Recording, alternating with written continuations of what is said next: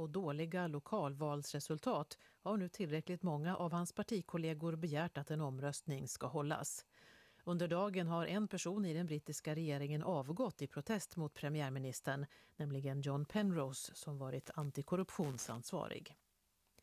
Rysslands utrikesminister Sergej Lavrov har stoppats från att resa till Serbien eftersom tre av Serbiens grannländer har stängt sina luftrum för Lavrovs flygplan. Det gäller Bulgarien, Nordmakedonien och Montenegro. Det ryska utrikesdepartementet bekräftar att Lavrovs resa ställts in, rapporterar internationella medier. I ett uttalande fördömer Ryssland att de tre länderna stängt sina luftrum och kallar detta för en fientlig handling.